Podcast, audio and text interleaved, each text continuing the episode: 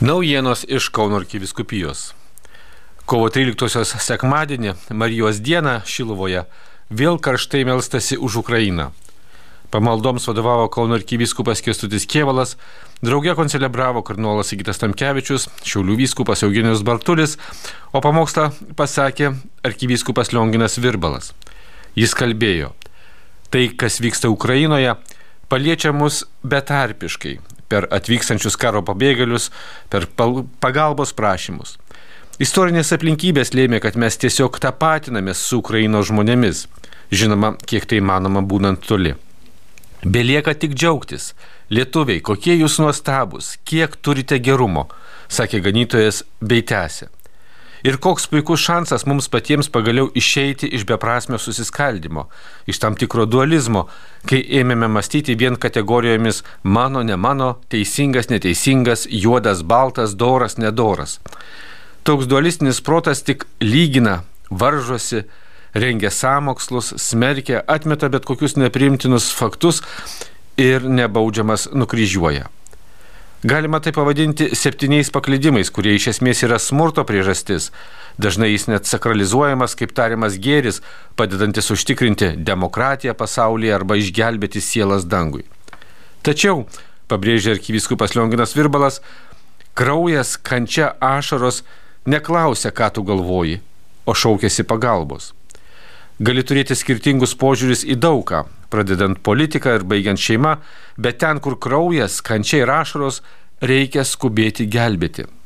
Žaviuosi visais žmonėmis, sakė arkybiskupas Virbalas, kurie su entuzijazmu ir atsidavimu šiandien tai daro.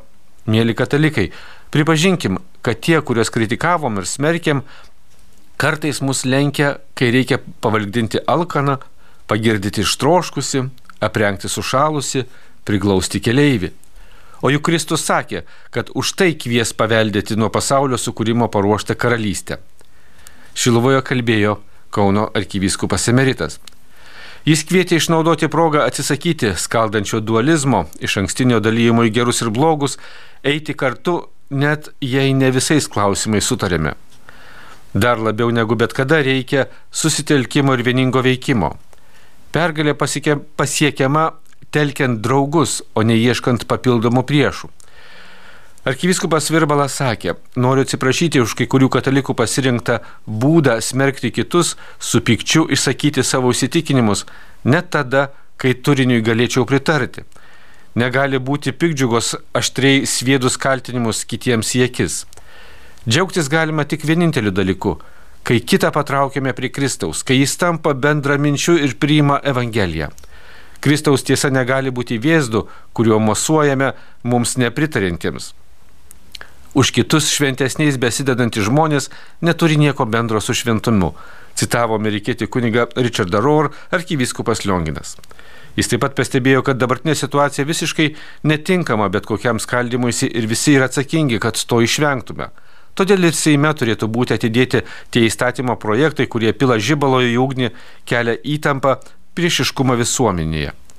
Neteikas nuoširdžiai mano, kad tokiu būdu galės padėti konkretiems žmonėms, išmintis turi patarti, kad šiuo metu kaina gali būti per daug didelė, o žala gal net netitaisoma. Dabartinis Lietuvo žmonių susivienimas ir pakilimas džiugina. Turbūt nuo sąjūdžio laikų nebuvome taip susitelkę. Tik tokia būsena negali trukti ilgai ir neišvengiamai ateis nuovargis. Priimti Ukrainos žmonės, patyrę sunkiai suvokiamą stresą, nebūtinai visada bus patenkinti, reaguos vien maloniai, dėkos už pagalbą taip dažnai, kaip norėtųsi. Juk atvyksta ne šventieji, o paprasti žmonės, kaip ir mes visi. Antra vertus, greitai pajusime sunkėjantį gyvenimą, infliacijos padarinius, daugybę kasdienių sunkumų. Tai gazdins ir kels nepasitenkinimą. Reikia tad jau dabar tam ruoštis, niekada neužmiršti, kas yra svarbiausia, o kokie dalykai yra antrailiai. Net didžiausioje skuboje kviečiu kasdien skirti laiko maldai, pabuvimui su Dievu. Klausykime ne tik naujienų, taip dažnai neraminančių, bet dar labiau Dievo žodžio klausykime, kuris atskleidžia viltį ir slėpiningą Dievo artumą net tada, kai viskas atrodo tamsu. Startavome gerai, o dabar ruoškime gerumo maratonui. Šilovoje kovo 13-ąją kalbėjo arkivyskupas Lionginas Virbalas.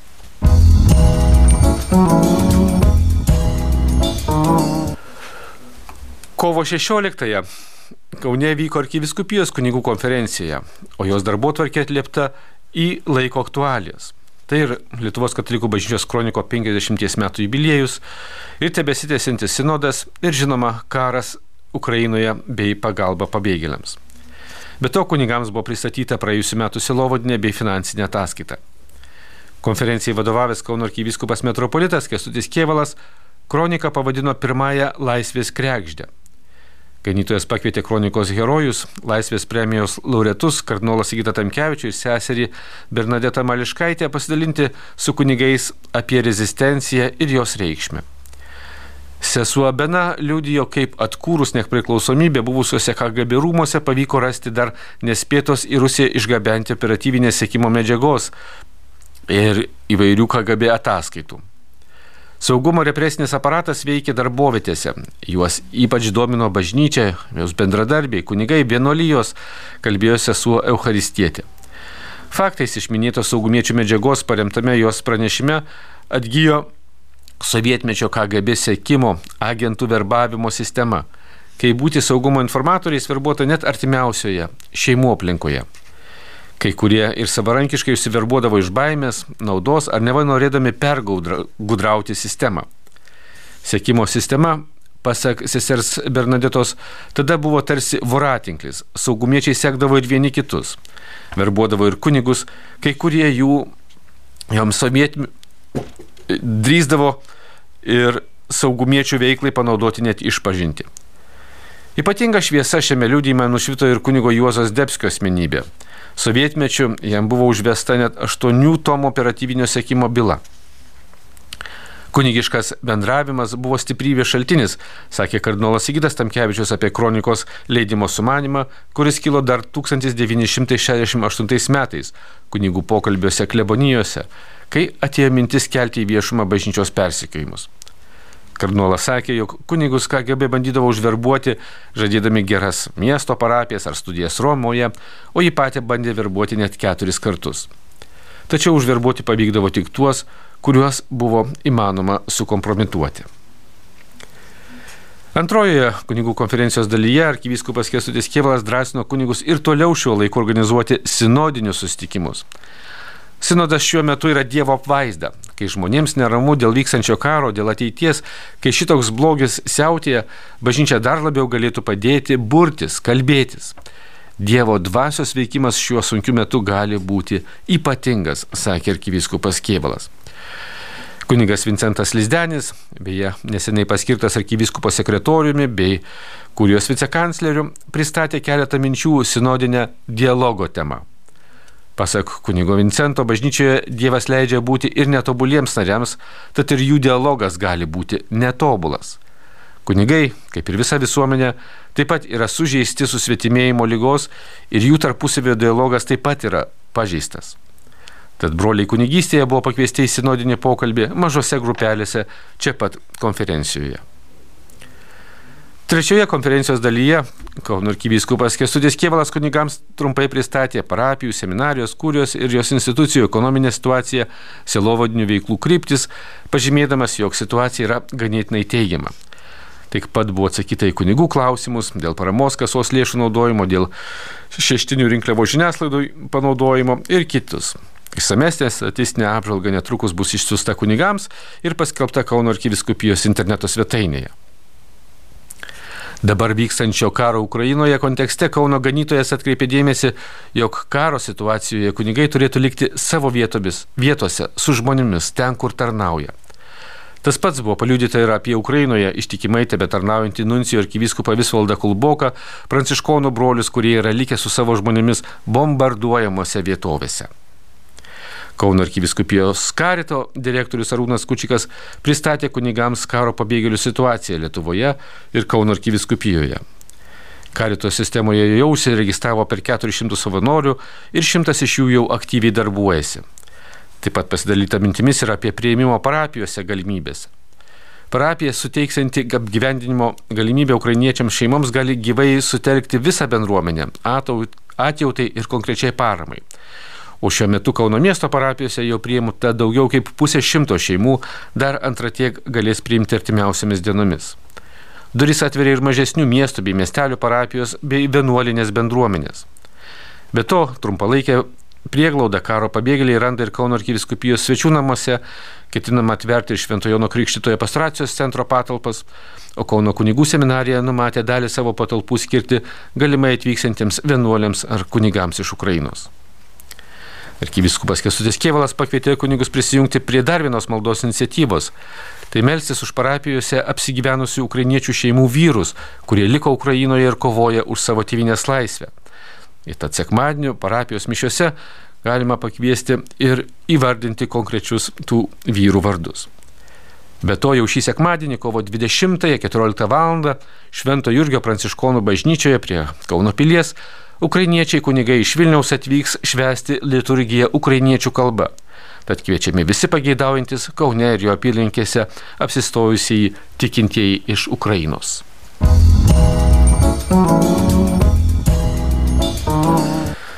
Pagalbos galimybės ukrainiečių šeimoms kovo 15 aptarė ir Kauno pirmojo dekanato kunigai. Šioje e, dekanato konferencijoje Kauno kunigų seminarijos rektorius kunigas Ramūnas Norkus skaitė pranešimą apie sutaikinimo sakramentą. Daugelis žmonių iš pažinties bijo, vengia dažnai švęsti šį sakramentą. Tad kas galėtų paskatinti žmonės dažniau švęsti jį?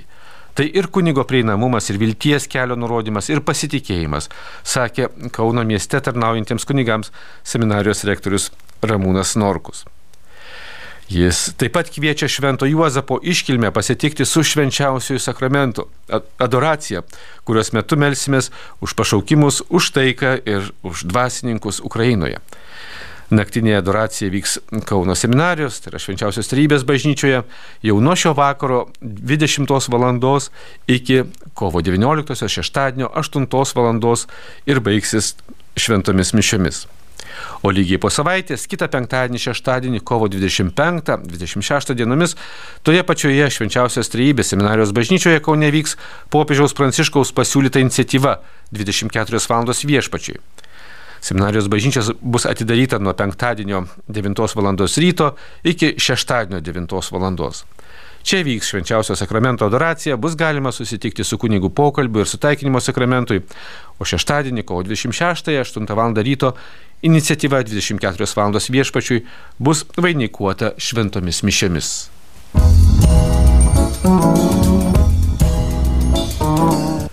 Ateinančią savaitę, kovo 24-ąją Kauno arkiviskupijos Silovados bendradarbiai kviečia į du susitikimus su ypatingu misionieriumi iš Škotijos, Kolinu Saimsu. Kai kam jis jau pažįstamas iš Švento Juozapo metų ciklo susitikimo, bet to jo komentarai lydi tuos tūkstančių žmonių, kurie dalyvauja ar dalyvavo iššūkyje perskaityti šventą įraštą per metus. Numatyti du seminarai 24 kovo 14 ir 18 val. Įsamesnė informacija Kauno arkiviskupijos interneto svetainėje ir socialinio tinklo Facebook paskyroje. Marijos Radio iš Kauno Darius Chmeliauskas.